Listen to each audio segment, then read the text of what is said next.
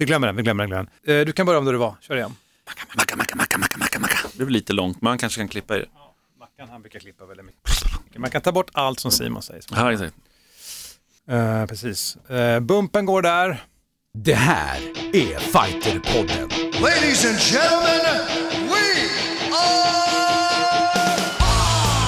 I'm not surprised, motherfuckers. Touch gloves. Get ready for war. Uchimata! And ladies and gentlemen, the mauler, Alexander Gustafsson. Oh my God! Double leg. He just got double leg. I'm gonna show you how great I am. Det är den vi äter som säger att det är Fighterpodden och det är avsnitt nummer 61. Wow. Och då hör du som lyssnar, det var lite Få- få klappar här. Ja, det är ju för att eh, Elin Blad är ju inte hemkommen än ifrån Sydafrika, men hon är med i nästa podd. Det är hon, det är hon. Men du heter Simon Kölle. Det gör jag. Jag heter Mårten Söderström och vi har ju en späckad kampsportsvecka rätt in i kampsportsfestivalen och Superior Challenge. Häftigt. Så att, eh, det är det vi tänker på, både du och jag nu. Du peppar ju för att du ska kommentera där. Det ska jag göra för Fight TV som är amerikansk kanal och det går väl ut till hela världen egentligen, men inte, inte Norden, inte Skandinavien. Hur är det att kommentera på engelska? Känns det bekvämt? Alltså nu har jag gjort det kanske fyra gånger, eller någonstans fyra, fem gånger. Eh, några gånger för Superior tillsammans med Ryan O'Leary som är på MMA Viking. Eh, och det, det är ju ganska skönt att få köra med honom för han är amerikan. Liksom. Så att då är det så här, man kan alltid luta sig lite tillbaka där. Eh, nej, men det, det var lite, jag var nog lite nervös första gången jag gjorde det. Men jag pratar väldigt mycket engelska i mitt jobb och, och sådär också så att eh, så jag, jag är ganska bekväm med det ändå. Men, Så- men det, man, jag är bättre på svenska. Absolut, jag tycker jag är mycket bättre kommentator på svenska. Det hade varit kul faktiskt om eh, Viaplay erbjöd att man kunde få den filen med Eller er. hur? Så kunde man välja svenska eller engelska. Ah, nice. Bra, bra idé, bra tanke. Via tänk Play på om ni lyssnar på Viaplay. det här. Absolut. Exakt, där Ba- kan man ju Babak, du kanske kan snacka in. Nej, men skämt åsido så, det, det, det är all, allting utanför Norden helt enkelt. Vi ska ta och ringa runt idag ju i Fighterpodden. Vi ska prata med Bartosz, med Malin Hermansson och Kenneth Berg tänkte jag bland annat. Och du ska ju berätta alldeles strax om Superior Challenge. Det ska jag och kanske även annat som händer. Det, det, är, här, det är inte supermycket som har hänt, men det är mycket som händer. Det är väldigt mycket. Vi har tuffa boxningsmatcher på gång och det är mycket, mycket MMA nu inför julen och sådär. Men du, alltså en som har alltid fullt upp, det är ju liksom arrangören, kungen för Superior Challenge, Babak. Vad gör han nu Simon? Ja, det är ingen aning. Alltid något. Vad gör du Babak? Jag sitter och kör bil. Slänger runt i Stockholm. Ja, du är alltså Superior Challenge nummer 20, bara det är värt en Ja, applåd. ju. det är värt en stor applåd tycker jag. Hade du Tack, tänkt dig det? Att det skulle bli 20 Superior Challenge när du startade för länge sedan? Nej, absolut inte. Det är något som har växt fram under den här tiden. Under alla dessa 12 år som vi har hållit på. Wow, Ja, det är wow. 12 Ja, det är häftigt. Men det är fantastiskt att få jobba med det man, man, man tycker är kul. Ja, men verkligen och det, du gör det så bra. Men det känns ju som att det är så här medvind tycker jag nu för Superior. Det har gått bra på liksom cirkus och det... Känner du samma sak? Ja, självklart. Eh, Det är ju en intressant upplägg vi har eh, på senaste tiden. Vi har ju fokuserat mycket på eh, mer lyxigare inramning med galor på Cirkus och Fitnessfestivalen. Och vi har ju det exklusiva samarbetet med Fitnessfestivalen Stockholmsmässan där vi arrangerar galorna ihop och vi når ut till deras breda räckvidd. Sen har vi våra mediepartners som Viaplay som stöttar oss och sprider galorna eh, egentligen över hela Norden och, och nu också över hela världen. Så att eh, vi krigar på och syftet är ju att försöka leverera så bra galor som möjligt till fans och publik och samtidigt skapa en intressant plattform för fighterna och- som bygger deras karriär. Ja, men vi ska precis säga det att man kan ju titta på det och säga att alltså efter 20 galor nu, så många det är som har liksom kommit till UFC och till Bellator från Superior. Ja, det är väl en, eh, lite 25 plus skulle jag säga. Wow. Eh, Och eh, efter senaste galan så tidigare i år så var det fyra stycken som fick eh, match. Två fick match av UFC och två fick match av eh, Bellator. Ja, det är jättekul. Det måste ju varit en dröm. Ja, både ja och nej. Det är ju synd att förlora fighters. eh, och sen så på ett annat sätt är det positivt för, för fighterna och, och det är också ett facit eller ett intyg att vi gör någonting bra.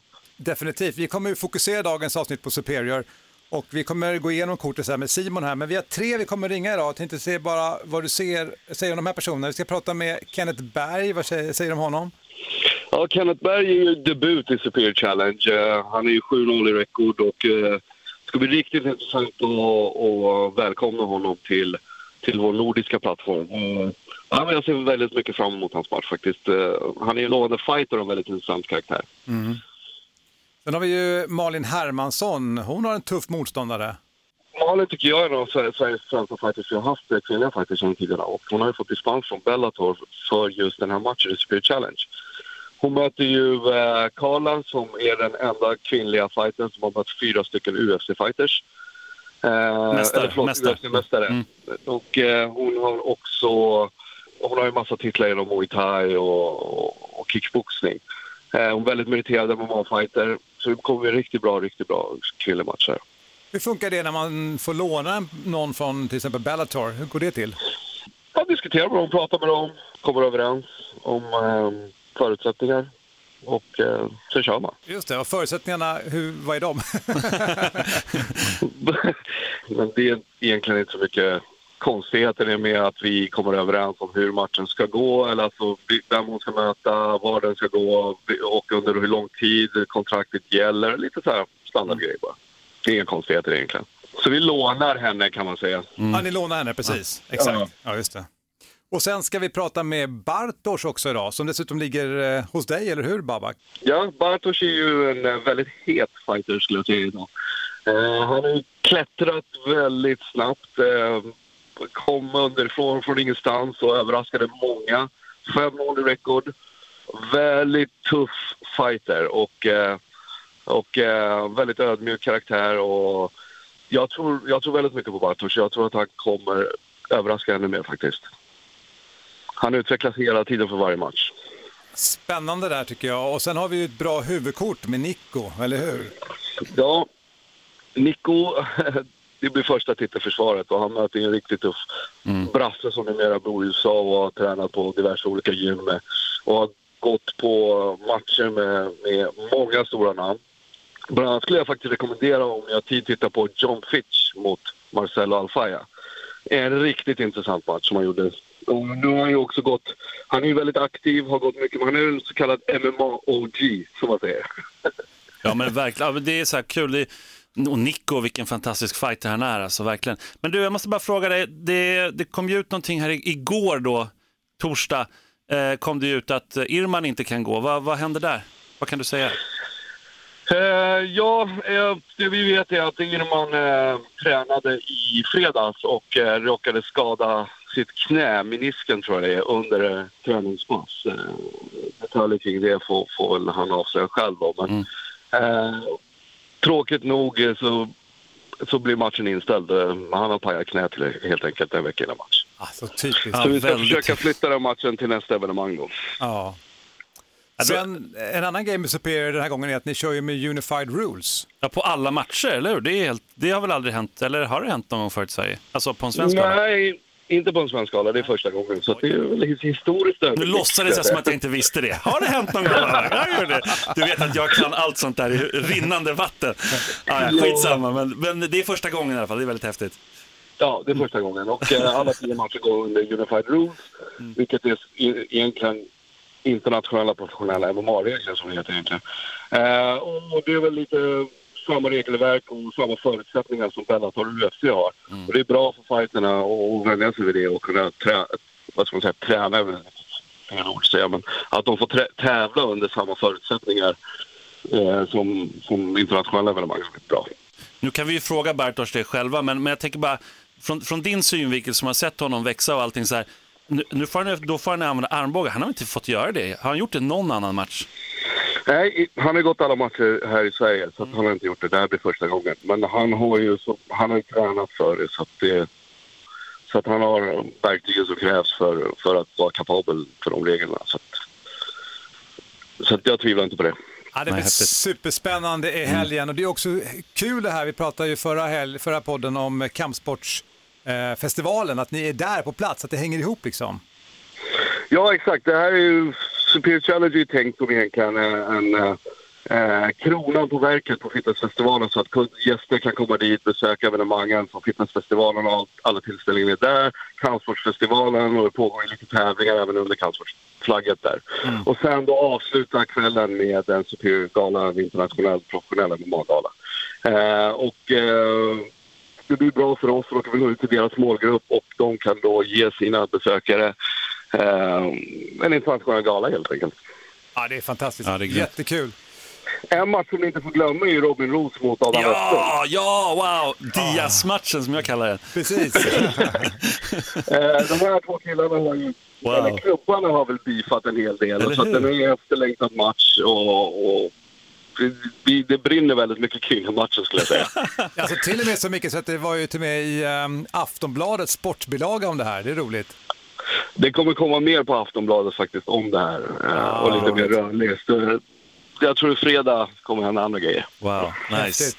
Ja, det är roligt. Alltså, ibland känns det som att vi behöver det, men, men det, vi behöver ju också att svenskar möter fighters från andra länder och det har ju Superior varit liksom eh, bäst på egentligen i Sverige. Men det, men det här är ju också väldigt kul. Börjar du få upp så här blodad tand för att sätta ihop mer svenskar efter det här tror du?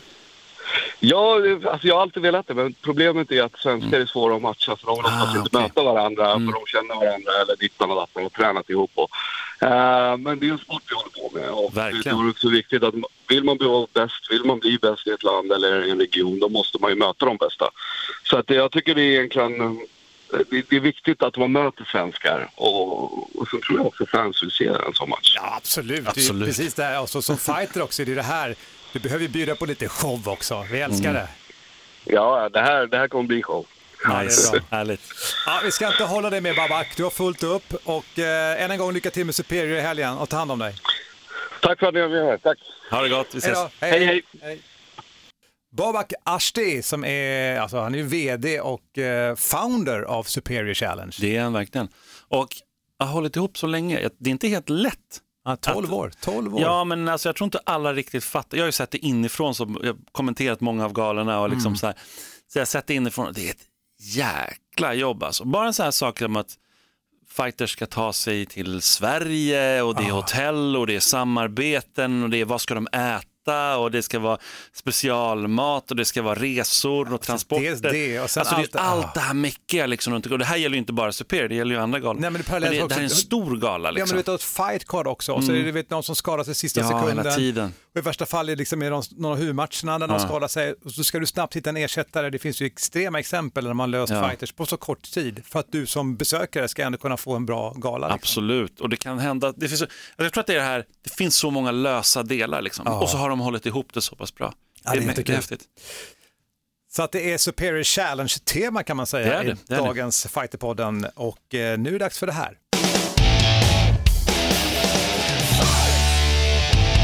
Innan vi kastar oss in i Superior Challenge, det är kampsportsnyheter Simon. Vi har ju haft Marcus Johansson som har tagit VM-brons i Kick Light.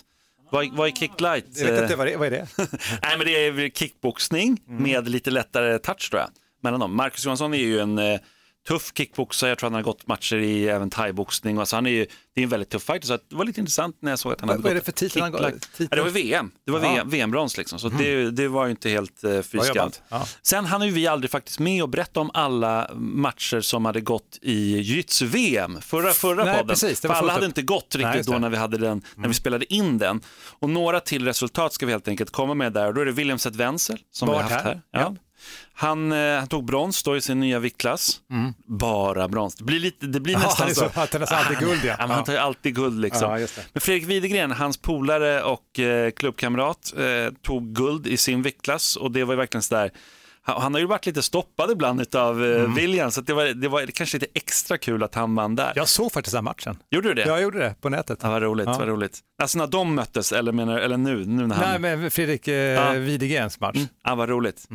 Eh, sen har vi rapporterat lite om de andra VM-bragderna där som, som var svenska då. Sen har vi haft en, eh, den här ödesmättade eller ödestyngda matchen i UFC. Khabib Nurmagomedov tänker jag på mot Tony Ferguson. Fyra gånger har ju deras matcher ställts in där de ska mötas. Nu har de signat, nu ska de mötas igen. Äntligen, femte gången gilt så ska Och de när mötas. gick de senast mot varandra? De har inte gått, men Nej, de har, fyra gånger har de försökt Du har helt rätt, jag fick för mig, det är helt rätt, helt rätt. De har inte gått mot varandra utan det har varit det skulle bli. Precis. Ja, det har varit liksom alla möjliga olika freak accidents och skador och sjukdomar och, Så alltså, alla, och viktnedgång som har gått snett och så här. Det har Mm. varit så mycket problem. Nu kommer de i alla fall 18 april, peppar peppar, i Brooklyn. kommer de gå match. Så, jag menar, Khabib 28-0 i rekord och Tony Ferguson 15-1 eh, är han i UFC. Totalt är han 25-3. Och, och, eh, Khabib kommer inte ha någon match innan det här utan det är Nej, april det som är den gäller. här, det är den här fattar. Mm. Och, det är, och båda nu har 12 raka segrar i UFC. Så det, är, det, är, det är mäktig match alltså. Som, Supermatch. Ja. det, det känns som verkligen en supermatch. Conor McGregor finns Mm. ju alltid med mixen. Det känns som att varje podd tar vi upp honom. Nu har han också signat under den här tiden från förra podden. Han kommer gå match mot Donald Cowboy Cerrone. Mm. Vissa blev liksom, "Ah, okej, inte Justin Gage, varför då? Mm. var lite sånt där, men och Donald Cowboy kommer från två förluster. Ja, Conor kommer från en förlust, men jag vet inte, det, så det, det har varit lite så här, mm, Ja, jag har läst en hel del skriverier, det är många teorier där i. Det beror lite grann på hur många matcher Conor McGregor kommer gå 2020, liksom. om det finns någon plan i det här, alltså om det finns någon mer idé. Eh, är det väl så att Conor McGregor tänker gå upp i en annan, eller gå ner och gå upp i en annan viktklass? Är han ute efter ett bälte till? Det finns lite olika Ja, teorier. ja, precis. Det kan vara så. Det här BMF, han vill väl ha det bältet, har han ju snackat om också. Lite sådär. Nu har han ju, alltså han har ju, ska inte säga att han, är, han blir som en ballong, men han har ju verkligen alltså, lagt på sig mycket muskler. Nu kommer han gå den här i vältevikt Just det. och det är ju hans eget val. Och det är betydligt mer muskulär fighter. vad är det han, han har alltså bälten, eller hade eller har bälten i? han har haft bälte i fjädervikt och i lättvikt. Just det. Aldrig i vältevikt då. Nej. Och då tänker jag att det kanske är där han är ute efter ett bälte. Kanske. Men det är också tuffare va? Det är en tuff vältevikt. Ja, och jag, det, och jag tror att han är lite så här taggad av det här. Dana White har sagt att han borde inte gå i vältevikt. De är lite för tuffa där uppe. De är lite för tunga för honom och Ja, sådär. det. Så nu har han lagt, nu under den här liksom ledighetsperioden då, så har han lagt på sig betydligt fler kilon Mm. och eh, i muskler skulle jag säga. Så att jag hoppas att han inte liksom, att det inte är så att han inte har så bra kondis. Det vore lite tråkigt. Men, men grejen är att Cowboy Cerrone har ju haft det svårt senaste. Ja, det det. Och mot Justin Gage där så avslutades han tidigt. Så att det, det blir, och och Connors boxning är fortfarande svinbra. Problemet med Cerrone är väl det enkelt att han har faktiskt fått för många smällar nu. Alltså, han har inte hakan längre. Jag tror nästan det. det, är det- så. det är lite Även Jag läskigt. tycker att han är fantastisk. Jag Ja. älskar honom. Liksom. Det är världens supercoolaste kille. Men han har varit med länge och det bara är så att kroppen till slut är inte lämpad att ta så mycket stryk. Mm. Och det, det är även så här man skulle vinna en match nu, och så, för nu har han två raka förluster. Och det, jag, jag tycker man har sett det på vissa fighters att Mm. det är dags att och vissa kan, kan man ha sett och sen när de ändå lyckas komma tillbaka, till exempel Andrei Arlovski som har blivit knockad ett par gånger och sen så kanske han vinner några matcher på domslut och så blir han knockad igen. Alltså det, är- det är lite så här, Så man, har ju, Ja. man har ju bara ett visst antal Knockar, ja. knockar som man kan rocka ut för liksom i en karriär. Du, när är Mm. den här matchen med McGregor, vet du det? Ja, men den har vi i februari. Jag får, vi, får, vi kommer ju återkomma till den matchen lite senare tänker Just det, just det. Just det. Oliver Enkamp gillar, gillar ju vi och han har ju fått en ny match i Bellator. 8-2 har han nu rekord. Han kommer att möta Louis The Foot Long. Dåligt och sämre, ett av de sämre namnen. Ja. 17-5 i rekord, så det är verkligen ingen duvunge. Och eh, han har gått flera matcher i Cage Warriors, bland annat den här Louis. Och i Dublin kommer de mötas 22 februari och eh, båda två kommer från en vinst från, mot faktiskt samma motståndare i Bellator. Så att eh, han är ju känd för oss i Sverige, inte så superkänd i Sverige den här Lewis, förutom att han har, eh, 2016 mötte han Andreas Ståhl Ah, och eh, förlorade den matchen på TKO i tredje ronden. Så det är väl det liksom, men nu det har gått, går ungefär lika bra för de här två, de är väldigt jämna, så det, det anses vara en väldigt bra matchning och Oliver Enkamp är alltid kul att se, han utvecklas ju alltid. och när kommer Bellator till Sverige då? Jag vet inte, det ska de ju göra 2020 nu. Ja. Så det är bara en tidsfråga. Det är ju uppenbarligen då inte, med tanke på honom där då, så det kanske hösten? Men jag tänker, du har ju alltså Oliver kvar då, det är ett namn, Malin Hermansson kör Ja, ju för Bellator. precis. Så det finns ju en del namn som, och säkert fler som kommer komma in då. Absolut, och det hoppas de verkligen. Det, är- det, är- det, är- de är, det är en väldigt bra, de har bra galor liksom. Ja. Vi har en UFC-gala att se fram emot också i helgen. UFC on ESPN, Overeem vs. Reusenstruck. Mhm. det är verkligen så här, inte det vanligaste namnet och han kommer, det är, det är lite av en mellangala skulle jag nästan säga. Det är Washington, Vad är status på Alistair Overeem nu då? Ja, nej men alltså han, Alistair Overeem är ju, har ju egentligen vunnit, han har ju två raka segrar, men det känns ju, man minns nästan hans förluster bakåt, eller hur? det är Ja, lite så här, det känns som att han också har tagit ganska mycket stryk Han har kommit sina... tillbaka ju. Ja, men han kommer ju tillbaka och liksom, det är ju, ja, men nu har han två raka TKO-segrar. Mm. Han tar ner dem, eller de åker ner i backen och så, så avslutar han dem på ground and pound. Och den här eh, Jarsinho Roisenstruck då, 9-0 i rekord, han går sin fjärde match nu i UFC. knockade Arlovski, på tal om Andrei Arlovski, på 29 sekunder. Alan Crowder på 9 sekunder. Och, eh, och sen vann han på TKO också mot Junior Albini som kanske inte jättemånga, det ringer kanske ingen klocka hos folk men han är, det är en väldigt bra fighter i andra ronden och han har sagt att efter han har slagit Overeem så vill han slå, vem tror du? Francis Ngannou. Ngannou, det är sant. ja, ja. Vem utmanar Francis Ngannou? Det är liksom, Wow! det är lite som när Jack Hermansson utmanade Jacare och alla de här som, Ja, ja. Ja. Ja, det är häftigt. Ja, och det gick ju bra för Jack när han mötte Jacare. å andra Det gjorde det å andra sidan, så, att, så who knows. Det, det är en tuff match. Det är, så det är som sagt en liten mellangala. Vi har ju också Cynthia Calvillo som 8-1 i record som eh, kommer möta den här obesegrade tjejen eh, Marina Rodriguez som har 12 vinster, hon har också en oavgjord. Så att, ah, och sen är det lite så här, det är Stefan Struve på den här galan. Det är, jag vet inte, den känns lite så här, ja, en uppvärmd, det är nästan som ett underkort till den galan som kommer komma sen strax innan jul som vi kommer snacka om snart. I helgen nu då så har vi också en eh, väldigt häftig och spektakulär boxningsmatch som kommer gå i Saudiarabien. Och det är eh, Anthony Joshua, 22-1 har han nu rekord, som kommer möta Andrew Ruiz som slog honom sist, han har 33-1. Och Andrew Ruiz då den här mexikanaren som är lite, han har lite kilon på kroppen, han är lite tjock liksom. Ja. Så folk hade liksom underskattat honom. De Men som när kan de två fighting. möts, det Ja. blir ju väldigt, det är ju två typer av kroppar kan man säga. Verkligen, en superatlet och sen han då som inte alls ser ut som det, men han är teknisk, han är tuff, Mm. han har en väldigt stabil haka och hans enda förlust har han liksom revanscherat och det, det är liksom en eh, det är en svår motståndare och, det är ju, han slog ju Anthony Joshua och ingen trodde nästan det. Och, Ja men det var kul också efter den matchen, för det var ju den här diskussionen verkligen, Mm. för att på, alltså när du såg dem i ringen ja. så var det bara så här, men den här killen som är ett fysiskt monster kommer ju slå ut den där Ja, ja. tjockisen. ja, men exakt. Sen kom ju tusen debatter efteråt, vad hände egentligen? Så här, men det var ju en teori, en del diskussioner var det här, fördelen att ha ganska mycket kroppsfett Mm. för att kunna ta smällar på kroppen. Ja, just det. Så här, att det finns det så rent vetenskapligt, om du kollar på det fysiskt, det är klart att om du har ett lager fett, han har en ganska bestand, han är muskulös som fan, Mm. Ja, det är Under han såklart under, han är ja. en tränad kille liksom, men han har en mage, att det gör att du kan ta mer stryk på olika sätt och man tänker, ja det kanske är så. Kanske, och jag vet inte, alltså det, eh, det kanske blir en annat sätt man sparrar mot en sån, jag har ingen aning. Det finns Nej. nog ganska många liksom, takes på det där, men ta Roy Nelson i, i Samma. nu är han äldre och går inte superbra matcher, men han blir inte knockad direkt. Alltså, han har ju världens krut i nävarna han också. Och för, alltså, man förvånades att han hade sån kondition ändå. Ja. Man ser honom, alltså, han, han, han rör sig snabbt sådär. Man tycker att det är väldigt onödigt att han bär runt på de här kilorna, men Det- det, det- är hans beslut liksom och han har säkert någon tanke bakom det va? Ja, man undrar lite vad de käkar. Det är friterat hela dagarna och sen samtidigt tränar liksom 12 pass i veckan Ja, minst. Nej, jag vet inte. inte. Men den är ju lite speciell den här, den här matchen i alla fall. Det är ju, det är ju en rematch då som sagt och det är så här, de har alltså byggt en arena, jag vet inte om du har, har du hört om det här Mårten, att de helt galet, de har, bara för den här matchen så har de byggt en arena, en utomhusarena i Saudiarabien för 15 000 pers. Alltså det kan bara ske i Saudiarabien. Och den är 95% återvinningsbar. Så att efter galan så river de hela arenan. Det är också jättecoolt. Det, Det- det är bara uppbyggt för den där liksom.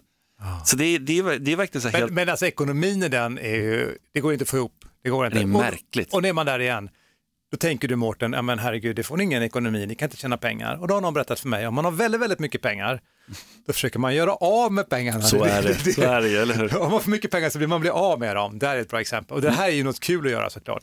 Jo men det är såklart, göra av med dem och liksom kanske bygga ett antal brands på vägen och så Ja. vidare. Så vidare. Det kan vara liksom mycket sådär, man kan bränna det på massa olika sätt. Kul. De här väljer att bränna på en boxningsarena i Saudiarabien och det kommer ju vara eh, WBA Super, inom parentes, jag vet inte exakt vad det står för, det, det bältet. Sen eh, WBO och IBO-bältet som kommer vara.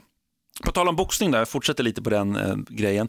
Då har vi också en till rematch att se fram emot som har blivit signad här i dagarna. Och det är ju, den, den kommer gå av stapeln 22 februari. Och då är det Deontay Wilder som möter Tyson Fury igen. Äntligen alltså. Sån grej, den blev ju oavgjord den här deras första match. Och Tyson Fury tycker jag till betydligt mer, i mer, fler ronder boxade ut Deontay Wilder som sen så gott som knockade honom. Det var ju, man, man, han pratade ju om att det, är hans, det var liksom Gud som hjälpte honom upp. För ingen ställer sig upp för det där. Ingen har gjort det mot Deontay Wilder under hela hans karriär.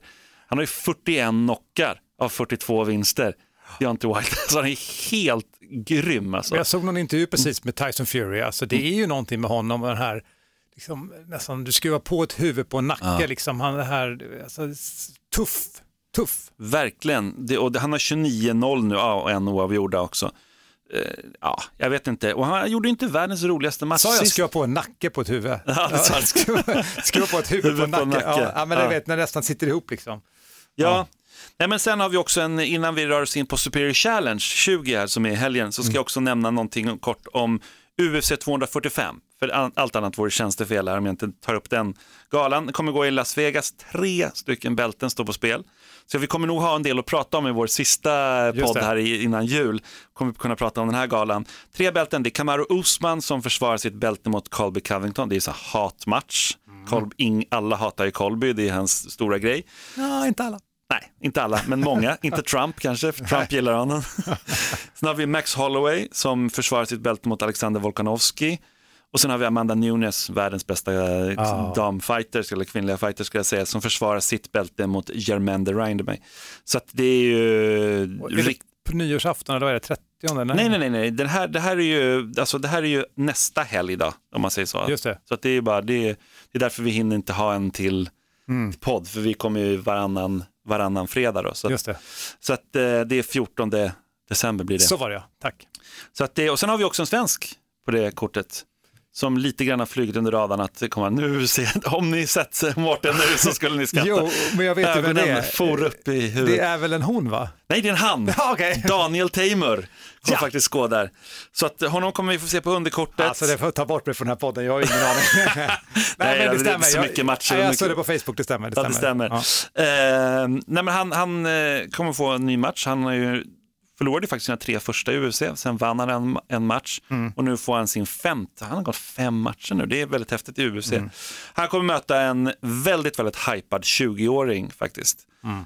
eh, som är helt obesegrad, åtta vinster, han har en oavgjord också och eh, som gör sin, sin debut och som är Alltså det är alltid något speciellt, obesegrade fighters som är väldigt hypade, som är unga, han, han ska slå hårt, sparka hårt, vara bra på backen. Alltså de hypar honom så otroligt mycket i den här fighten. Så att, eh, mm, Chase Hopper heter hans motståndare. Det, det blir en tuff nöt att knäcka, men jag tror att det är svårt också att möta Daniel Tamer. Det är, för han är så stabil stående och om man då, man, jag kan tänka mig att den här 20-åringen kommer vilja liksom utmana Daniel stående. Och Daniel pratade vi också med sist, det var ju när han körde i Globen. Just det, Det var ju den när Gustafsson förlorade tyvärr. tyvärr. mot Smith, precis. Uh, minns du att han hade varit på en båt, kommer du ihåg det?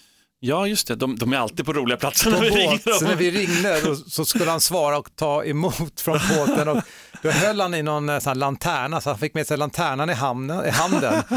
Eh, och sen träffade vi honom på typ den här efterfesten efter eh, matchen. Då säger någon kompis där, ah, det här är de från podden då va? Jag ska ha en ny lanterna säger hans kompis. Han skyllde på oss. Ja, vårt, vårt fel. Eller hur?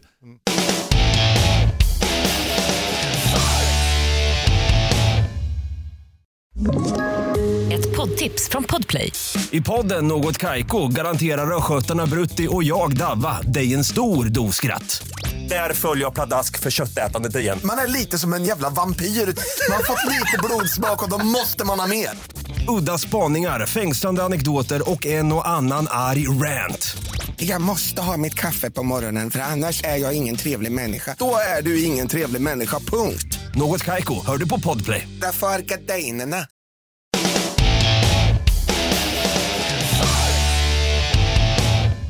Sen har vi också Superior Challenge 20 i helgen, Mårten. Är du, är du peppad för den här Ja galan? men peppad, det är det som är dagens podd ju, Ja, det hur? är verkligen dagens podd och det är, det, är- alltså, det är ganska otroligt ändå. 20 galor.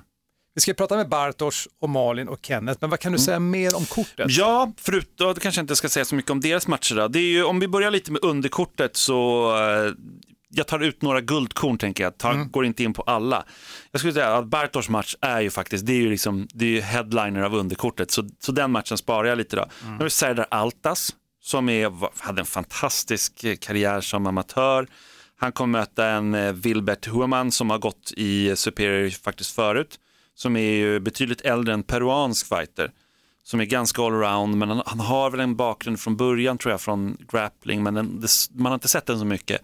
Men eh, han, eh, ja, han, han bjuder alltid upp till fight. Liksom, och, och Han, han har ju 5-11 i rekord. Ja. Han har ju många förluster. han har många förluster, det har han verkligen. Men han har ju också väldigt mycket erfarenhet. Men han är en av de här fighterna som är väldigt ojämn. Liksom. Han är väldigt bra i stundtals och sen kan han bara fejda helt. Så att, och Serdar Altas är svår motståndare att möta för honom. Så att, Sen har vi Fanny Redman också, grapplen, Ja, som visst. kommer gå. Hon är jag sett, ja, men jag har sett henne brottas mycket. Eh, nu är hon brunbälte tror jag i brasiliutsu, men hon är ju svartbälte i judo. Just det, judoka. Tävlat mycket, eh, vunnit i judo och eh, också, hon är svensk mästare i brasiliutsu. Mm. Häftigt. Ja, så är det 60, eller 52 kilo är det ju, precis. Ja. Och sen då efter underkortet så kommer huvudkortet, No shit Sherlock. Mm. Då har vi ju Michel Ersoy som öppnar det. Och Michel är ju alltid väldigt kul att se. Han är explosiv, tufft, han är verkligen som en som ett, ja, jag vet inte, han är en liten dynamitgubbe nästan när han kliver ut. Han förlorade ju mot Diego Nunes och sen så revanscherade han det, inte mot Diego men mot en annan fighter senast.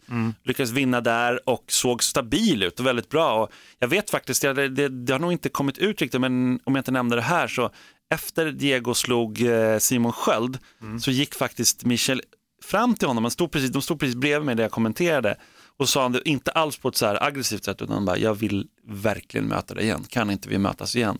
Så han har verkligen, Men vad, vad sa Diego då?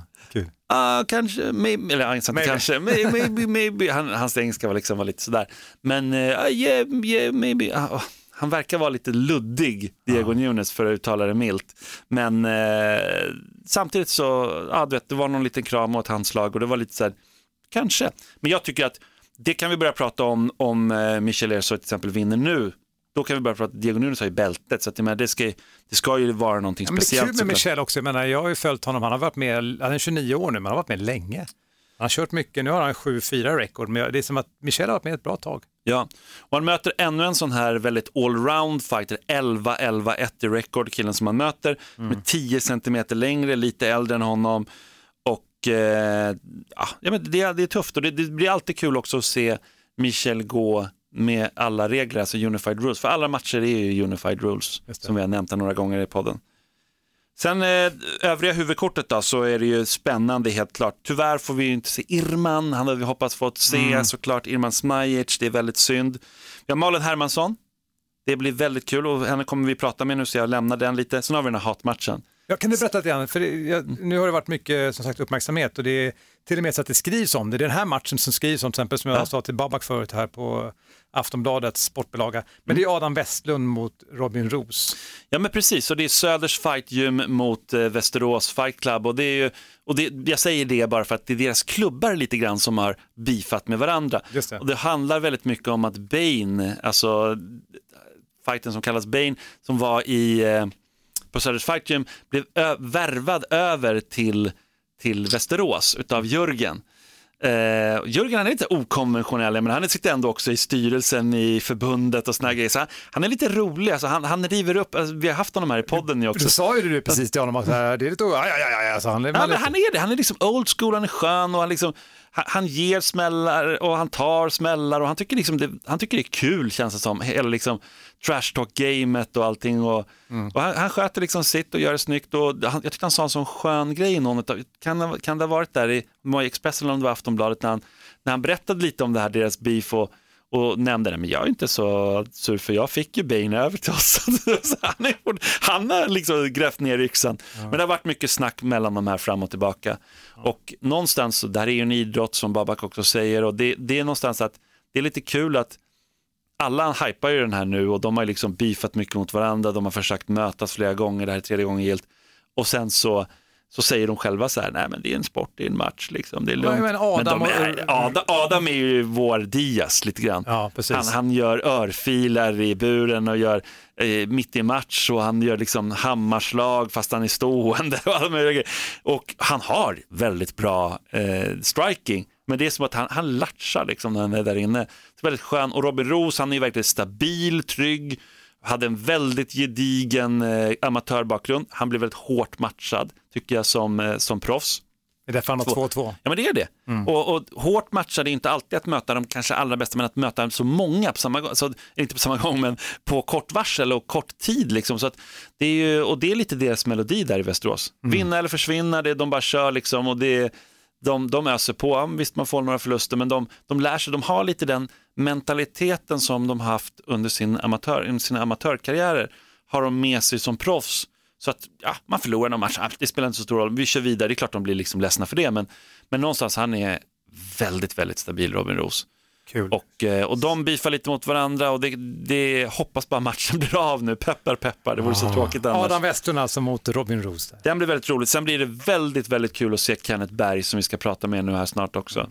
Kenneth Berg, norrmannen som är tatuerad över hela kroppen och eh, han är en sån bra fighter alltså. Och han är så hypad och det är så roligt. Vissa som jag pratar med, de har liksom inte sett honom gå match med säger att han är en väldigt bra fighter. Så här, men titta på honom så är han väldigt bra och vi får se lite, vi måste prata lite med honom och lära, liksom, se vad han säger om, om det här med att vara så hypad och, och liksom att alla säger att han är världsklass och sådär. Och om, och om han har några nya tatueringar får jag fråga också. Ja, det måste du, ja, det får du fråga. alltså Martin Hamlet, som eh, är ju en riktig, alltså en världsklassbrottare verkligen. Vi har sett honom i Superior Challenge förut. Eh, och, han är ju tenniskompis, han är ju samma klubb som... Eh, ja men exakt, som, som Kenneth Berg och som Precis. Jack Hermansson. Och jag, jag, jag hörde att Jack Hermansson kommer komma hit också, Sverige och coacha dem och sådär. Det brukar han ju göra också. Så att det ska bli väldigt kul att träffa honom. Men Martin Hamlet, han kommer möta en, också en sån här riktigt allround fighter som är 14-10 i rekord, en fransk. Det kommer en hel bunt fransmän till den här galan. Eh, som, eh, ja de är, de, de är ungefär samma ålder, de har, de har inte, all, inte alls samma bakgrund då, men och Martin Hamlet, hans grej är ju lite att han kör över sina motståndare. Han är så jäkla bra brottning och stark som ett, som ett djur liksom. Så det är lite, och så lägger han hela tiden på att bli bättre och bättre stående. Så att eh, den matchen, det sov vi inte under den, för han är explosiv Martin Hamlet. Så den ska bli väldigt kul. Det är en co-main event tillsammans med Kenneth Bergs där. Som var Nico Mosoke. ja, det är huvudkortet då. Nico som möter Marcelo Alfai. Ja men precis, Alfaya, han är ju från USA, en grappler, han har varit i Tuff, han har varit i Bellator, han är svartbälte i BI och, och vi har ju pratat om det förut, nu är han 40 år gammal, men det har varit, så det är en väläldigt erfaren fighter, 18-10 rekord. Men Nico Musoke är väldigt svårt att få motstånd, alltså det är svårt att fixa motståndare till honom. Jag tror jag nämnde det tidigare, va? att det är väl 17 fighters eller någonting. Alltså Babak har verkligen letat och han, har ju, han vill ju ha man ska ha varit antingen Bellator eller varit i UFC liksom, eller ha någonting extremt spektakulärt kring sig. Det är, så, så kraven är ganska höga för vem som ska få möta Nico. Eh, Ja, och Nico har ju siktet att komma tillbaka till UFC. Absolut. Och, och jag menar, jag tror att det är väldigt, väldigt nära. Jag menar, avslutar han nu den här fighten, alltså framförallt tror jag att om, om man skulle göra någonting så här som typ dra ut honom eller någonting, en sån pass gedigen svartbälte Ah, i vad BI. kul att du säger det. Ja. Då, då tror jag att då blir det lite så här, ah, okej, han har ökat än, ännu någonting i sitt game. En nivå till. För jag menar Nico Mosoke, han vann ju sin sista match i UFC fram tills de sista sekunderna då han liksom tyvärr förlorade på TKO, eh, Bojan Velekovic. Och de, den matchen var ju, det var ju Nikos, han vann alla ronder. Det var ju så otroligt, och sen blir han kickad ur UFC. Det är så här, ah! Och jag tycker han är absolut värdig att vara där och han är en väldigt bra champ i Superior Challenge. Ja, men han har också en ganska spektakulär stil, han passar in där. Han, apropå också folk som analyserar så, han är väldigt, alltså han är väldigt verbal. Han var ju hos oss i podden här ju och berättade och väldigt mycket. Pratade väldigt, sa väldigt bra grejer. Han är utbildad, han har högskoleutbildning, Mm. han är, har varit med väldigt länge. Han, han kombinerar det här att ha det här liksom råstyrkan och råtalangen och att kunna liksom ha gått hårda liksom sparring och matcher. Kombinera det med att ha ett, vara väldigt liksom tänkande och filosofisk och kunna liksom sätta ihop en, en bra Intelligent. Ja, men helt enkelt intelligent, det ringar väl in det. Så att det är alltid väldigt kul att se Nico Musoke. Sådär. Så det ska bli väldigt roligt. Superior Challenge alltså. Hörrni som lyssnar, nu tänkte vi kasta oss in och ringa upp några och vi börjar ringa till Malin Hermansson. Ja, det är Malin. Malin Hermansson, detta är Fighterpodden, hej! Hej! Hallå, hallå. Du, eh, spännande nu inför helgen och matchen, eller hur? Ja, nu börjar det närma sig. Det ska bli jäkligt kul faktiskt. Ja, det blir riktigt spännande. Och bara så att folk som inte riktigt känner till dig, du är ju Bellator. Men vad hände här? Nu är du i Superior. Ska du tillbaka till Bellator sen, eller hur, hur funkar det? Ja, det är tänkt så. I början av nästa år. Jag har inte fått något riktigt datum när jag ska tillbaka, men någon gång i början av första halvan av 2020. Jag har ju fått två fight release som varit godkända av, Okej. av deras eh, matchmaker tror jag. Så vi kom överens om att jag skulle få gå två matcher utanför eh, och hålla mig aktiv liksom. Men Det är väl jättebra? Det är väl en bra grej, eller? Ja, det är skitbra. Just det här för att slippa stå och vänta och det vart ju lite väntan liksom på att göra debuten där och jag kände att jag vill liksom inte komma in i den grejen igen. Så då var det en bra lösning men det var inte så där jätteenkelt att få till utan det var ganska mycket diskussion kring det men det blev bra ändå. Ja, men skönt. Innan vi går in på din match nu i helgen, så berätta lite om dig, för du, du har ju 3-1 nu i record och damp ju liksom ner på MMA-scenen när du slog där Gabriella. Det var ju liksom Gabriella Ringblom. Chockade väldigt många tror jag. Men du, du verkar inte chockad. Du visste hela tiden hur bra det var, eller? Eh, Nej, alltså jag tror inte jag... alltså det är väl klart att någonstans, ja man måste ju tro på sig själv. Men jag, jag, jag tänkte inte så mycket på varken... Jag försökte inte jämföra mig varken när jag mötte Gabriella eller den andra matchen mot Holm. Båda de var ju liksom redan namn på det Verkligen, sättet. verkligen. Så att jag var ju lite, gick lite under radarn och det var ganska skönt. Det var ingen som förväntade sig speciellt mycket av mig. Vad tänker du inför den här matchen? Den här tjejen har ju ett jädra record. Ja, jag vet. Skitkul. ja, det är verkligen, det är nästan så här, ser nästan konstigt ut på pappret. Liksom, att Vad, du har tre, vad, vad har hon Simon? Ja, hon har ju sjut- 17 vinster och 14 förluster. Ja, det, är verkligen, det känns ju som en uh, lös kanon det där som går åt alla håll. Hon gick, gjorde sin debut, alltså det var ju 2007. Så hon har ju varit med i gamet hur länge som helst.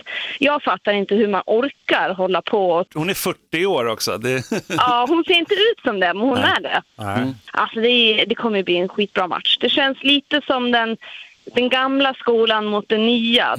Jag har fått uppfattningen att hon är lite old style i sin stil liksom. Det är intressant du säger det, för att det är precis sådär, eh, alltså inom biologin och även alltså, i stående fighting, så det, det, är, det finns ju en evolution, framförallt ska jag säga på backen kanske, där det har varit liksom en revolution de sista 5-10 åren, liksom, där det har blivit nytt. Så det finns en, de som var med från början och de som fightas idag, du kan nästan se eh, så vilken generation de tillhör utan att kolla så att säga, på deras ålder, utan mer hur de fightas. Ja, det är så jäkla sant. Stämmer. Jag har ju aldrig varken tränat mot någon sån eller gått match. Så att det ska bli...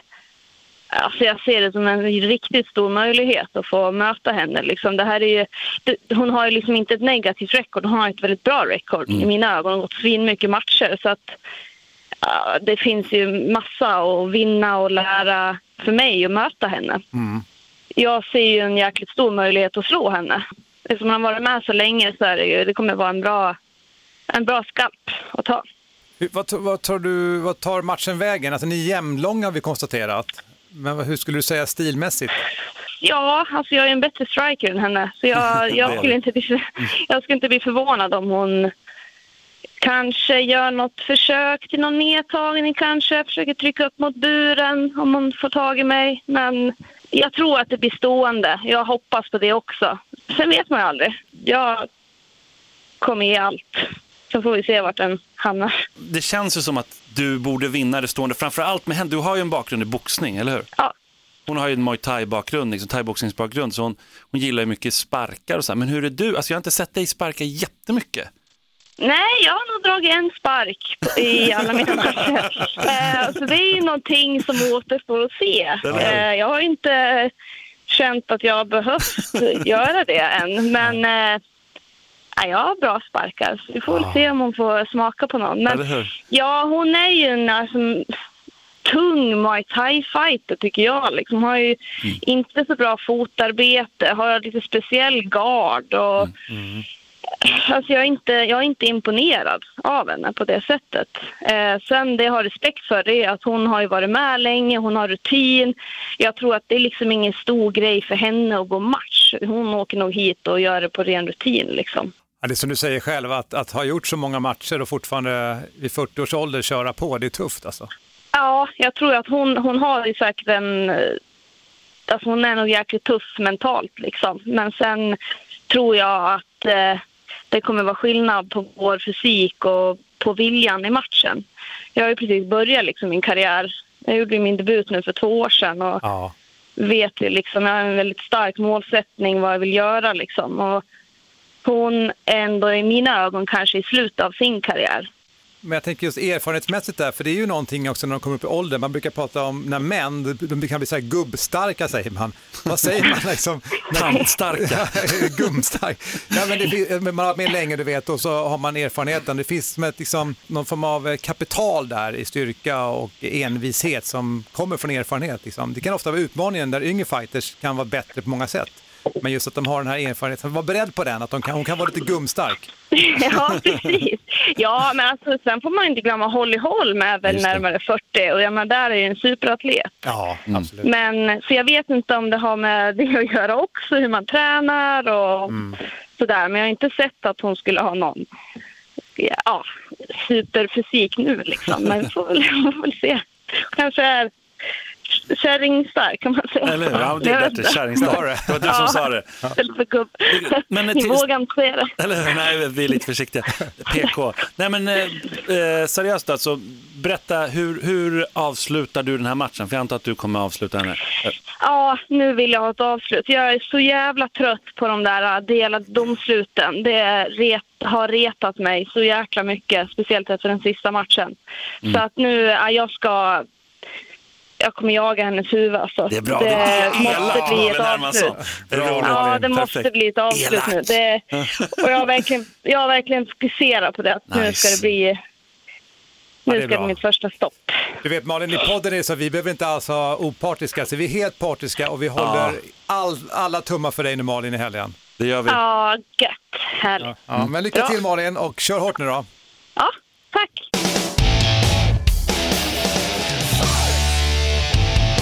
Och lät ju pigg och glad va? Eller hur? Och tänk att det ändå är bantning och liksom sådana saker. Ja, det frågar vi inte ens. Det, ibland kan de låta lite trötta, men hon lät så pigg så jag tänkte inte ens på det faktiskt. Hon lät väldigt pigg. Och det är liksom inte så här supermycket de väger heller. Alltså. Men vilken viktklass kör de i? Flugvikt är det, 56,7 kilo. Så Ja, det, de är inte supertunga, men de är väldigt atletiska. Och jag menar Malin Hermansson, som hon faktiskt också påminde lite om där, att hon har faktiskt slagit Gabriella Ringblom, som var världsmästare, om inte hon var till och med världsmästare två gånger eller något sånt där. Just det. Och hon eh, har slagit eh, Cornelia Holm som är väldigt hypad just nu. Och som var superbra. Jag menar, du kommer väl ihåg när vi kommenterade henne i Göteborg, hon var hur bra som helst. Verkligen, överraskande bra. Ja, och Malin Hermansson har slagit båda de här. Så att det är inte helt, eh, hon, är, hon är liksom, kommer från en ganska här, traditionell boxningsbakgrund. Mm. Och eh, nej, så riktigt, riktigt kul faktiskt att se henne. Så kommer hon från en förlust första gången nu också i Bellator där. Hon blev utdragen och då ja, möter hon liksom någon som har gått så sjukt mycket mer matcher. Simon, vi ringer vidare. Det gör vi, vi kör på.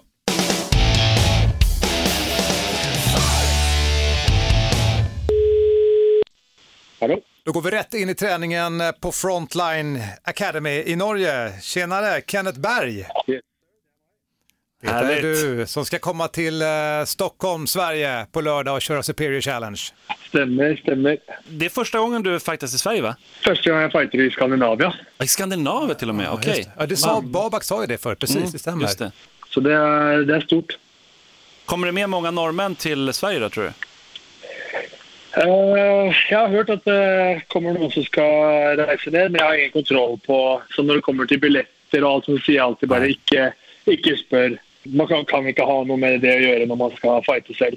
Du, vi har en fråga innan vi går in på din fighting och din karriär. Bara, hur betecknar ni, hur ser ni Jack Hermansson? Är han svensk eller norsk? Jeg tenker egentlig på hele det altså Vi som er i Skandinavia, vi er skandinaviske. Og når vi konkurrerer, uansett om det er Lila Tipi som går match, eller om det er Albrektsson eller Jack Hermansson eller Martin Hamlet meg, jeg syns at vi er like alle sammen. Jeg Ja, det synes, är eh, bra. jeg, meg, ja, men for meg er det like stort om en svensk vinner som når en norsk vinner. Eh, og jeg har jo også trent med flere av de andre svenske også, så det betyr like mye for meg. Ja, bästa svaret jag har hört. Mycket bra svar. Ja, ver- verkligen. Skandinavien. Men eh, om vi tar lite grann eh, din karriär, hur hamnade du i MMA och vad är din bakgrund? Eh, Jeg begynte å trene thaiboksing da jeg var eh, 13 år ca.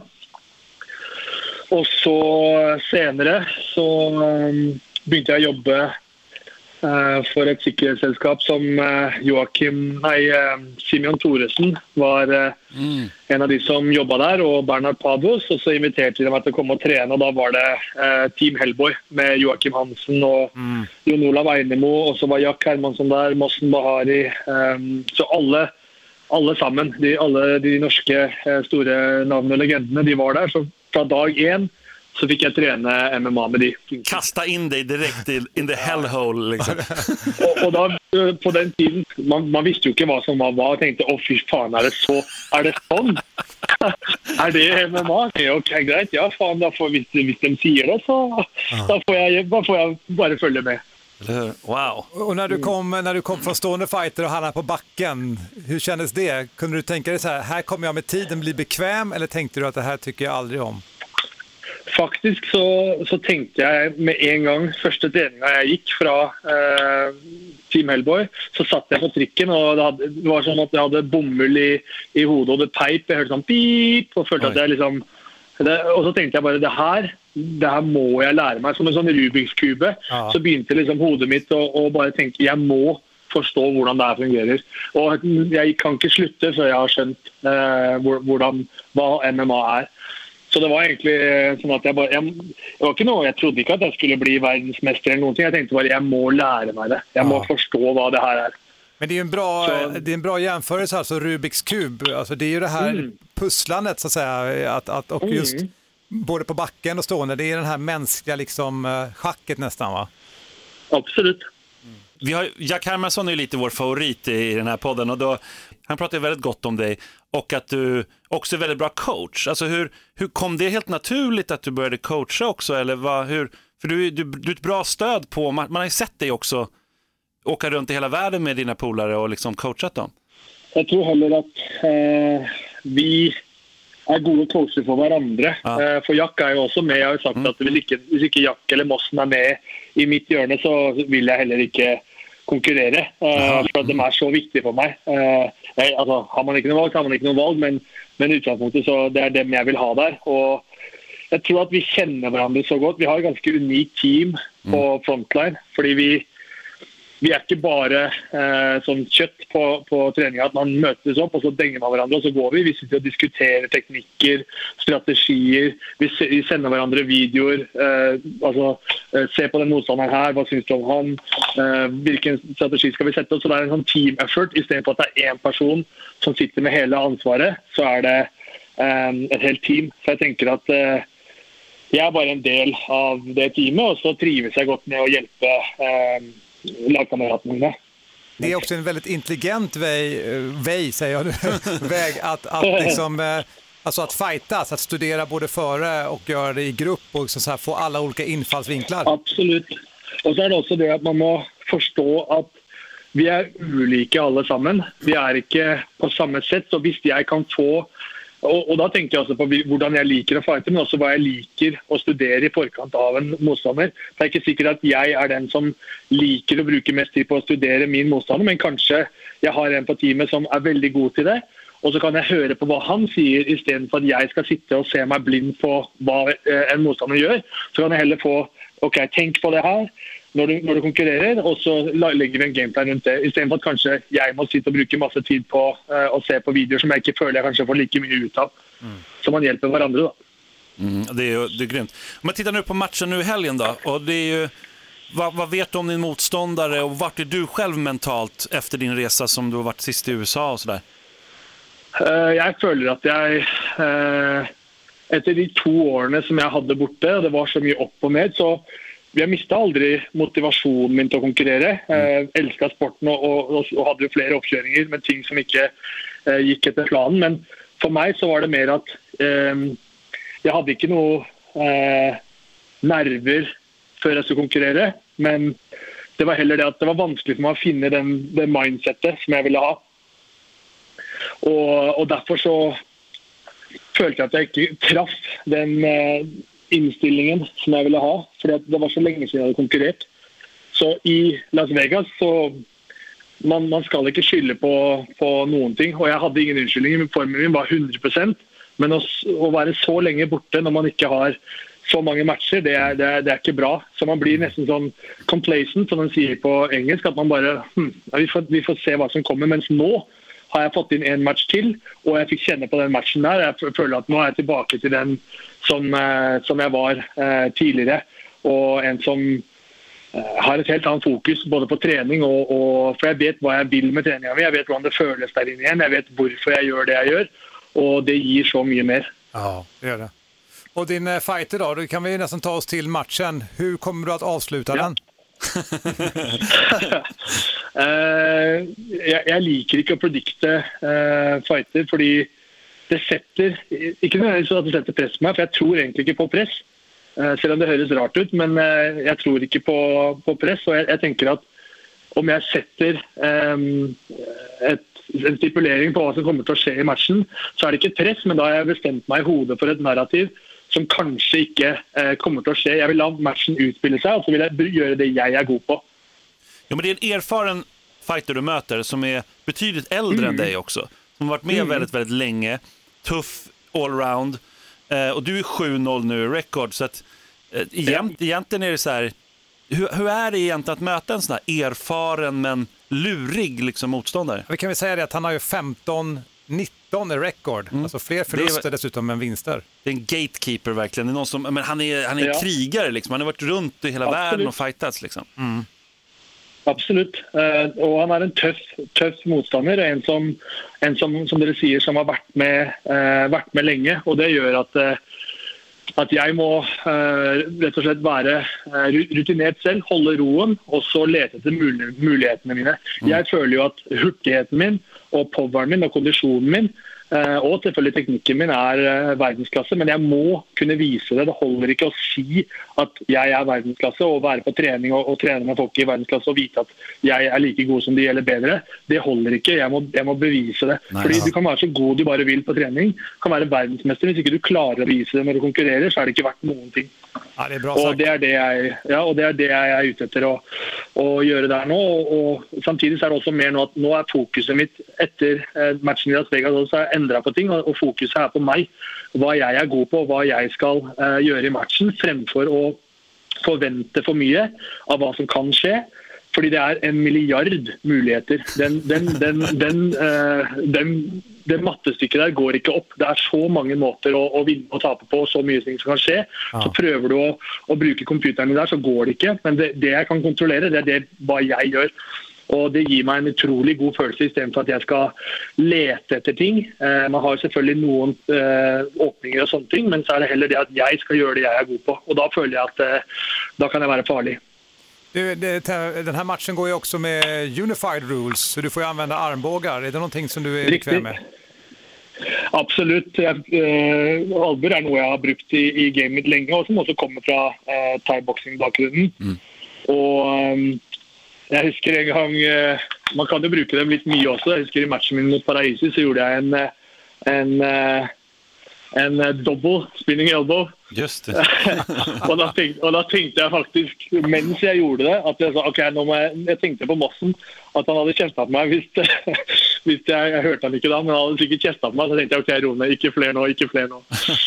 Så, men, men absolutt. eh, Å, å variere angrepene sine er også noe som eh, er utrolig viktig. Å kunne bruke alle tilgjengelige våpen. Kenneth, det här blir spännande faktiskt. Verkligen. Men jag måste bara fråga dig innan, innan vi släpper det, för du har ju också en, eh, en lagkamrat som, alltså Martin Hamlet kommer ju också gå. Ja. Men, men säg någonting om Martin då, vad, och vad, vad är din syn på honom? För du, du tränar ju med honom. Martin er supertalent. Og han eh, altså, Så sterk som han er, og fysisk, og også den viljen som han har på trening, hvor profesjonell han er så tidlig i karrieren sin. Eh, han, eh, han kan virkelig nå så langt han bare vil. og det at han fikk det tapet i, eh, i eh, Cage Warriors for beltet, det har bare vært med på å gjøre han enda bedre. Så nå på trening han har utvikla seg så mye mer. Så Nice. jeg tror det blir en tøff, tøff kveld for uh, motstanderen hans. Härligt. Sista frågan Kenneth, när gjorde du din senaste tatuering? det er lenge siden, faktisk. Så Man, skulle tro at eh, jeg elsker tatoveringene og sånne ting, men jeg tror at jeg har eh, OCD, Obsessive Compulsive Disorder. Det er sant. Så når jeg jo, Ja. Så når jeg, jeg kan, altså, eh, ikke helt, men litt. Så når jeg gjorde min første, så tenkte jeg OK, jeg vil ha litt, en, liksom en arm. Og så nei, jeg vil ha to. Altså, det greit. Jeg, vil, jeg, skal, ta, jeg skal ta hele. Og så, men det er mange, mange år siden jeg slutta å, å bry meg. Ja, du, har jeg- inte, jeg- du har ju inte heller någon plats kvar att tatuera dig på. Nei, nei, det ikke noe mer igjen. Det er slutt nå. Ja. Ja, det är Ja, det är grymt. Ja. Okej, Ja. eh, men som sagt, stor lycka, eh, till lycka. Takk, takk. Takk så mye. Vi ses på Superior Challenge. Ha det gott Kenneth. Hej, Det det gott. vi. Hej. Ha det.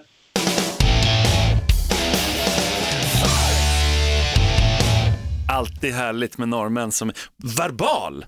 Var det? Verkligen. Väldigt Ja, verkligen. verbal. Alltså. Verkligen. Det är bra fighter och just så här, jag tycker när jag hör då en så här, alla måste inte vara verbala bara för att man är fighter, men när man hör någon som, jag förstår ännu mer, varje person vi pratar med där Mm. tycker jag på, på deras klubb, så fattar man liksom att de är ganska, de är inte helt tappade bakom en vagn. Alltså de, de tänker mycket, de analyserar och de, de lär sig av sina Ja. misstag. Som man sa så här, men Martin Hamlet har blivit bättre sen han förlorade.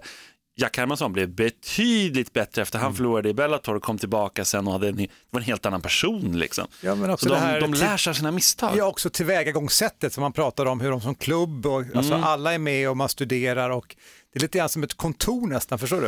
Ja, ja, ja, verkligen. Det är på plussidan. Sen Mm. skulle jag ändå vilja, för jag tror att de flesta bara ser att åh vad positivt, positivt, positivt där. Men jag ser på, på minussidan lite grann skulle jag säga, om det finns något minus med det, Mm. då är det tycker jag att man kan se ibland att när, du vet, att coacha bra på en match, det är inte helt lätt alltså. Mm. Nej. Och sen att de, är, de lägger upp det nog väldigt bra, det tycker jag, det ser man ju att de gör. De är väldigt bra med Jack och allting.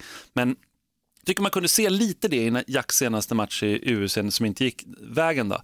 Att där behöver man ha några nya invinklar, alltså ingångsvinklar. Ja. Om man tar en eh, Greg Jackson eller Firas Zahabi eller någonting som var George St. Pierres coach, liksom, så då säger de helt nya grejer och kan se andra saker och kanske är experter på poängsystemet och sådana grejer som inte alltid alla fighters är. Så att i just sådana kritiska lägen, då kan det nog vara bra att ha en head coach som liksom säger någonting som man Nej, inte men det är hade sant, det är förstått. sant. Jag förstår vad du menar, alltså, såklart att liksom, ju mer kockar desto sämre soppa i värst fall. Mm. Men, men å andra sidan då finns det så mycket på plussidan. Jag tycker det är väldigt härligt att se att de gör det på liksom ett annat sätt och det roliga är att det funkar. Ja, men det gör det. Det funkar så bra och de är verkligen härligt gäng alltså. Man gillar ju alla dem. De är bara hur sköna som helst. Apropå det här med tatueringar, jag tror att Mm. eh, du som lyssnar nu, om inte du har sett Kenneth Berg så ska du gå in på Superior Challenge Mm. hemsida, om inte du kollar matchen nu på, på lördag, så förstår ni lite grann vad jag menar. Exakt. Okej, vi fortsätter att bevaka Superior Challenge och nu ringer vi igen. Yes.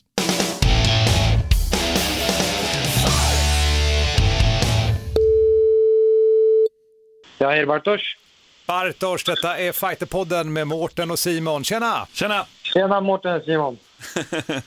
Är du pepp inför lördag? Absolut, 100 procent. Redo och taggad. Härligt, härligt. Du är alltid taggad känns det som. Alltså det är, du går alltid in och är väldigt taggad inför matcherna, eller? Ja, jag försöker hålla mig lugn. Man måste, som, som jag brukar säga, man måste tagga till vid rätt tillfälle. Men eh, jag ser verkligen fram emot den här matchen. Det blir en bra utmaning för mig. Så, men eh, tagga till på riktigt för att göra vid invägningen och på lördag. Ja men härligt. Vad, berätta lite om dig för de som inte känner till dig, om din bakgrund och sådär. Du, du är 5-0 nu i record och tränar på Forza Fighting, det, det vet vi, det har vi pratat om tidigare. Men mer än det, vem är liksom Bartosz? Ja, nej, jag var en vanlig kille som vem som helst som arbetar hårt för eh, sin dröm. För två, två, tre år sedan bestämde jag mig för att eh, jag vill nå UFC. Och eh, då satte jag bara igång och arbetade och jobbade mot det målet. Du är 24 år nu, eller hur? Yes. När började du träna och hur hamnade du i MMA? Jag började för nio år sedan ungefär på Forza Fighting. Eh, där jag kom in och bara testade på, ville testa på och eh, träna lite kampsport. Ja, jag kom in i det, jag träffade en kille i skolan i högstadiet och sen dess har jag tränat på där. Och- Och du startade direkt med MMA eller vilken kampsport började du med? Ja, vi kom in och där på Forza Fighting så oftast har vi där vi börjar med just ground-gamet, just submission wrestling och eh, brottning. Så i princip blir det med min bakgrund, men jag har tränat allting och det var där jag började från början så jag har inte gjort så mycket annat innan. just om det är något jag har tränat mest från början så är det re- submission wrestling. Ja, och det är också en väldigt bra plattform Ja, när man verkligen. kör MMA. Men det, du har ju två liksom väldigt tuffa, tunga brottare som, som tränare, eller hur? Ja, vissa och Sadri och det är de som har lärt mig allting och alla som vet just brottning, speciellt submission wrestling eh, är väldigt viktig grund att ha i MMA och det har visat sig flera gånger. Vi ser ju de flesta mästarna är just bra på att blanda ihop brottning och de är bra på marken också, inte bara ren brottning. Så just submission wrestling tycker jag är den bästa grunden att börja med. Och stående då, när det kommer till boxning och sparkar och sådär, vad känner du dig bäst där? Vad är du bekväm med? Ja, jag, får, jag får den här frågan väldigt ofta. Jag, jag är verkligen, jag säger alltid, jag är allround så jag, jag trivs överallt. Jag tar, jag tar matchen dit vad mina instinkter tar mig. Reagerar jag automatiskt med en takedown så kommer jag ta den. Det är min kropp som gör det. Så vi lär oss jättemycket saker. Men just att blanda ihop det bara. Just speciellt nu den här matchen för att den är unified rules. Så då får jag använda armbågar och då får jag visa lite nya vapen som jag inte fått göra innan. Så. Men ståendet börjar jag känna mig mycket mer bekväm. Men jag gillar att blanda ihop det så att man kan mixa ihop det och få till det så att det blir MMA.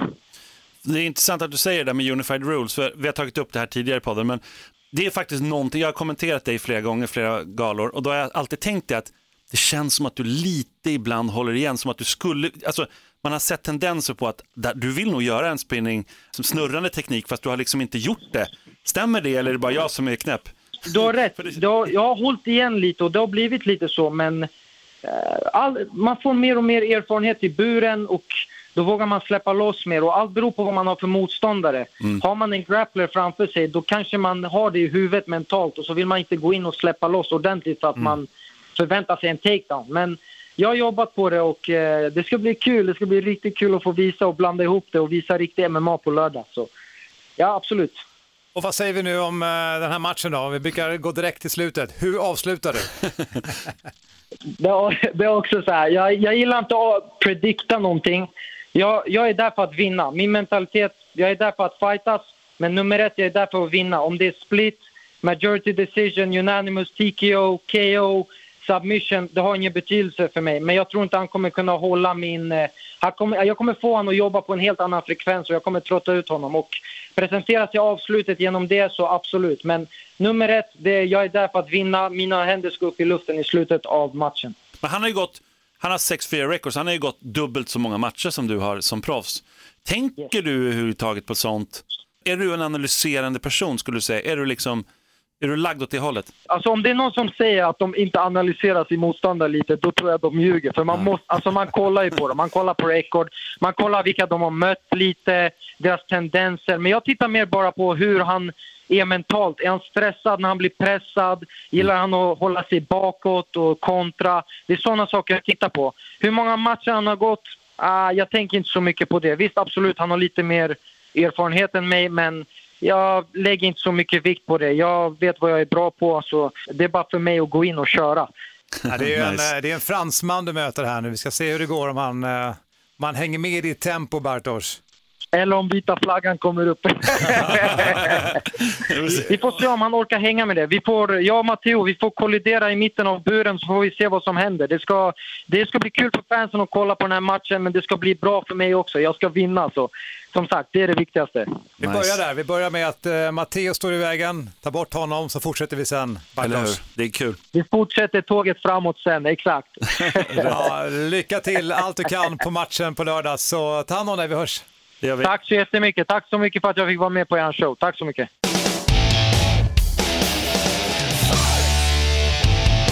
Alltså man vill ju bara vara där nu. Va? Ja, det, jag känner själv bara, jag blir helt så här. Vilken energi. Ja, jävlar vilken energi. Ja. Shit. Det, det är härlig fighter alltså. Du har ju pratat om eh, Bartosz tidigare. Är, är det just det här, att han, han låter ju som sagt eh, full av energi och den här, eh, vad ska jag säga, det finns någon vinnarinstinkt, va? Mål, målinriktad. Han säger ju själv, han har bra momentum. Jag tror det, det är alltid någonting speciellt med en obesegrad fighter.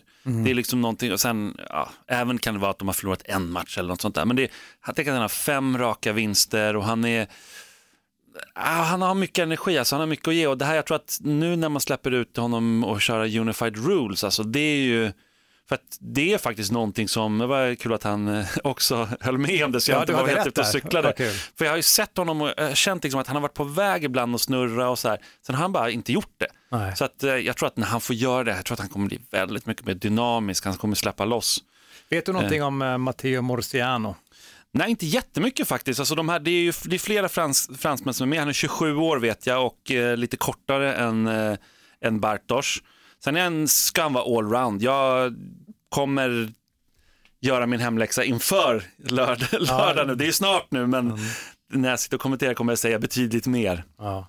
Ja, men, eh, men de är ju, alltså, Fra Frankrike är ju lite speciellt MMA-land skulle jag säga. För att Mm. det har ju varit så, nu är det ju tillåtet MMA, proffs-MMA. Det har varit så här, semiproffs har varit tillåtet där med så här skumma regler och två ronder och grejer. Så det har varit lite konstigt, men samtidigt har de då tränat och tränat och tränat. De har ju haft några i UFC och lite så här Cyril Diabate bland annat som mött eh, både Ilir och Alexander, tränat på Allstars en del. De har haft många där som har kört. De är, de är ju ett starkt MMA-land i, i Frankrike verkligen. Och sen har de sin, sina kopplingar till Nordafrika och där de också pratar franska i många länder så kommer mycket folk därifrån och tränar i Frankrike och så här.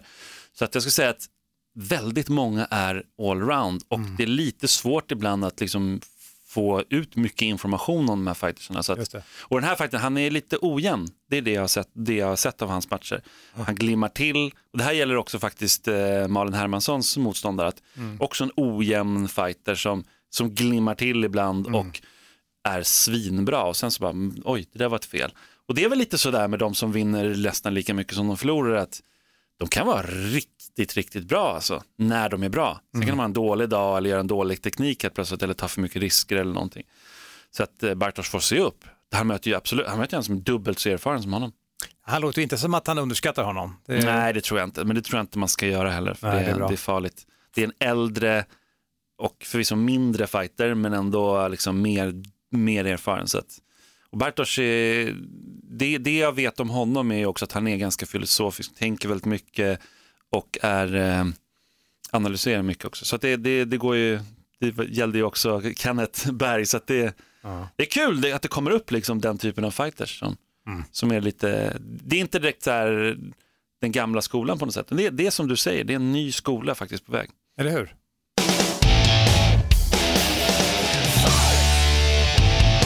Det blev ju en lång podd idag igen Simon. Det blev det, det blev det. Men det var ju mycket att prata om. Superior Challenge, det är kampsportsfestival. Den här veckan är jättehäftig i Sverige och i Stockholm. Och du ska vara där och kommentera också. Jag ska vara där, jag ska vara där, det blir väldigt kul.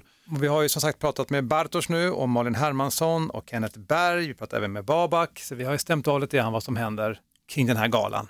Ja, det är väldigt roligt och det, det känns som att det, det är alltid bra galor med Superior Challenge. Och som jag nämnde där till Babak också, det, det är någonting just nu, det, det är vind i seglen. Det var, jag tycker att när Superior var ute lite i landet och det började svaja lite med publikantal och sådär, så gick det fortfarande väldigt, väldigt bra i tv och det var fortfarande väldigt många bra matcher. Men det, det var lite sådär att, ja, det gick inte riktigt lika bra kände jag. Nej, jag tror också att den, du vet, den tiden och kraften som krävs för att åka ut och göra det, att vara på hemmamark, att liksom kunna åka, alltså Babak bor i Stockholm, man kan Ja, ja. åka dit. Det, det finns många bitar i det här arrangemanget. Bo på hotell liksom i tio dagar, det är inte så roligt heller va? Nej men exakt. Och sen kom Superior tillbaka till Stockholm, körde Eriksdalshallen och bara slutsålt, slutsålt. Och sen Ja, till ja. Cirkus, körde, kör, de har ju varit en gång också på fitnessgalan och den, eller fitnessfestivalen och den var väldigt bra tycker jag, den, Mm. den galan där. Det är en helt okej, det finns, jag tycker, alltså jämför man med Cirkus så är ju inte den lika bra tycker jag, arena. Nej. Men, men då Ja, men det, Cirkus är ju det anrikt. Ja, det är anrikt. Det är någonting Mm. så det är liksom Cirkus och Berns, men Berns är inte lika bra för att ha fighting där. Mm. Liksom. Men eh, det, det är som fin liksom, lokal. Men, men fitnessfestivalen, väldigt bra sammanhang. Jag tror att det är också en väldigt, väldigt bra partner att ha. Men sen har vi en festival, vi pratade om den, eh, den här kampsportsfestivalen också, som kommer vara parallellt där. Som eh, förbundet, alltså kampsportsförbundet står, har roddat ihop. Ja, men det var över nästan 40 stilar man kan 40 testa, stilar. det var jättekul. Mm, ja, men det är kul. Men det, så jag tycker, om du inte vet vad du ska göra imorgon lördag, om du har lyssnat på det här på fredagen, eller idag lördag om du lyssnar på det på lördag, stick dit. Älvsjö. Du, en grej vi har glömt att nämna det är ju Ja. att AK Fighting kör i Göteborg. Det stämmer, det stämmer. Det som förut var Bulldog Fighting. Och där ska ju The Mauler brottas. Han ska brottas, möta Anton Tolkaj där och eh, ja, Och Sanne Dahlbäck kommer tillbaka igen och kör. Kommer tillbaka efter skada, det blir väldigt kul. Nej, men alltså, det, det ska bli ganska kul. Den har flugit, den flyger lite, lite under radarn skulle jag säga. Eh, men ja, nej, men de hade ju en lyckad gala också sist Mm. i, i Solnahallen, det har vi redan pratat om. Men, men eh, det är ju så här, det är en up and comer, det är kul att de kör. Ja, den här heter ju Bulldog när de körde sist. Bulldog... eh, Media Fight Night. Exakt, och nu är det som sagt... 2.0 om jag inte minns fel Ja, också. precis. Och, och nu är den ju här, nu kommer den vara i Gothia Tower. Ja. Samma ställe som Danny kör sin uh, the, the Theater. det. okej. mm, där är det nu.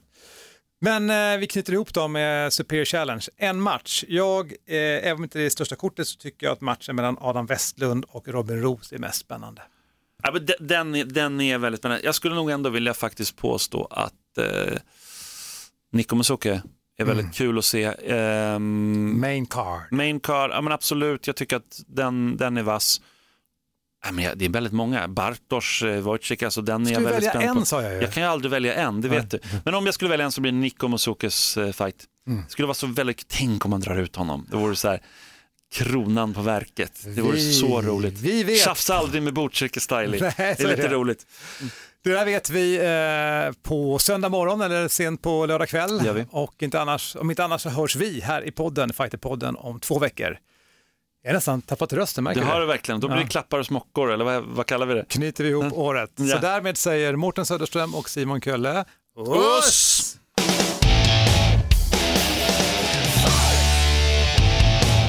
Fighterpodden produceras av Subamedia för Radio Play. Ett poddtips från Podplay.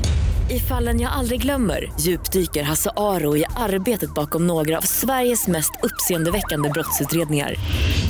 Går vi in med hemlig telefonavlyssning och, och då upplever vi att vi får en total förändring av hans beteende. Vad är det som händer nu? Vem är det som läcker? Och så säger han att jag är kriminell, jag har varit kriminell i hela mitt liv men att mörda ett barn, där går min gräns. Nya säsongen av Fallen jag aldrig glömmer på Podplay.